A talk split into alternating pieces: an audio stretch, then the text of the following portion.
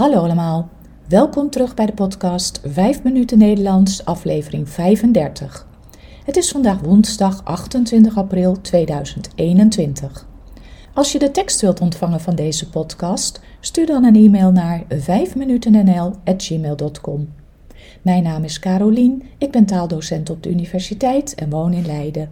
In deze podcast vertel ik iets over mijn leven, over wat ik de afgelopen dagen heb beleefd of iets over de Nederlandse taal en cultuur. Aflevering 35. Boekbespreking. Uitwaaien van Daphne Dekkers. Weten jullie nog dat mijn podcast vorige week over Koningsdag ging? Zelfs de molen in Leiden was helemaal rood-wit-blauw gekleurd. En in Katwijk hadden ze allemaal grote oranje strikken op de voordeur. Er is daar blijkbaar iemand die dat soort strikken maakt en verkoopt. Als je op de verzendlijst staat voor de tekst van de podcast, kun je de foto's hiervan zien, want die heb ik bijgevoegd. En een foto van het oranje gebak van de Hema. Wij hebben gisteren zo'n heerlijke tompoes bij de koffie gegeten. Vandaag gaat ons land weer een klein beetje uit de lockdown. De terrassen mogen open van 12 tot 18 uur en je mag weer zonder afspraak naar de winkel. Er was veel ophef over deze versoepelingen, want de COVID-afdelingen in de ziekenhuizen zijn nog overvol. En gisteren op Koningsdag waren er veel te veel mensen op straat en in de parken. Dat is natuurlijk niet goed voor de besmettingen. En dan zijn er ook nog berichten van een nieuwe virusvariant uit India. Het einde is nog niet in zicht, vrees ik. Om een beetje vrolijkheid te brengen, heeft Daphne Dekkers een boek geschreven waarmee ze de lezer meeneemt op reis door Nederland. De titel van het boek is Uitwaaien van uitgeverij Podium. Het is een heel leuk boek om te zien, met allemaal foto's en tekeningen.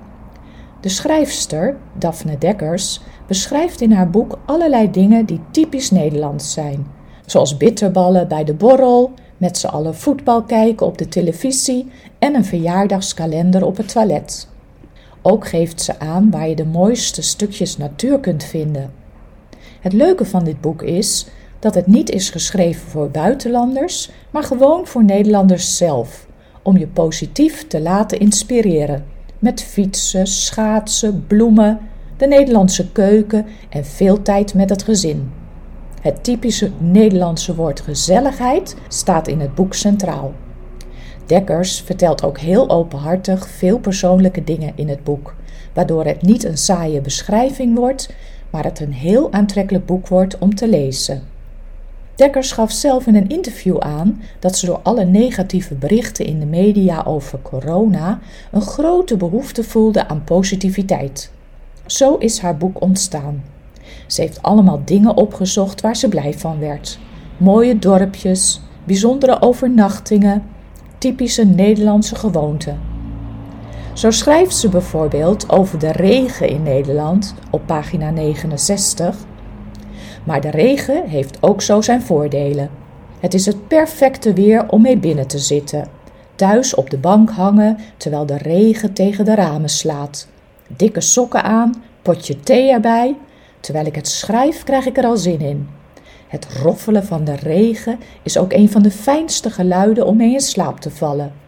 Op Spotify en meditatie-apps zijn er hele playlists van gemaakt, maar bij ons komt het gratis en voor niets uit de lucht vallen. Daphne Dekkers is columnist en heeft meer dan twintig boeken geschreven, waaronder ook kinderboeken. Ze is getrouwd met Richard Krajcek een tennisser die in 1996 Wimbledon heeft gewonnen. Samen hebben ze twee volwassen kinderen. Juist voor die luisteraars die het nog niet zo makkelijk vinden om een Nederlands boek te lezen, is dit wel een aanrader. De hoofdstukken zijn kort, makkelijk te lezen en er zijn veel illustraties.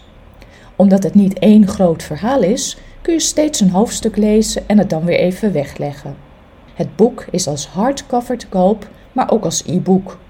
Het is wel een dik boek, 383 bladzijden. Veel leesplezier dus. Dit was het weer voor vandaag.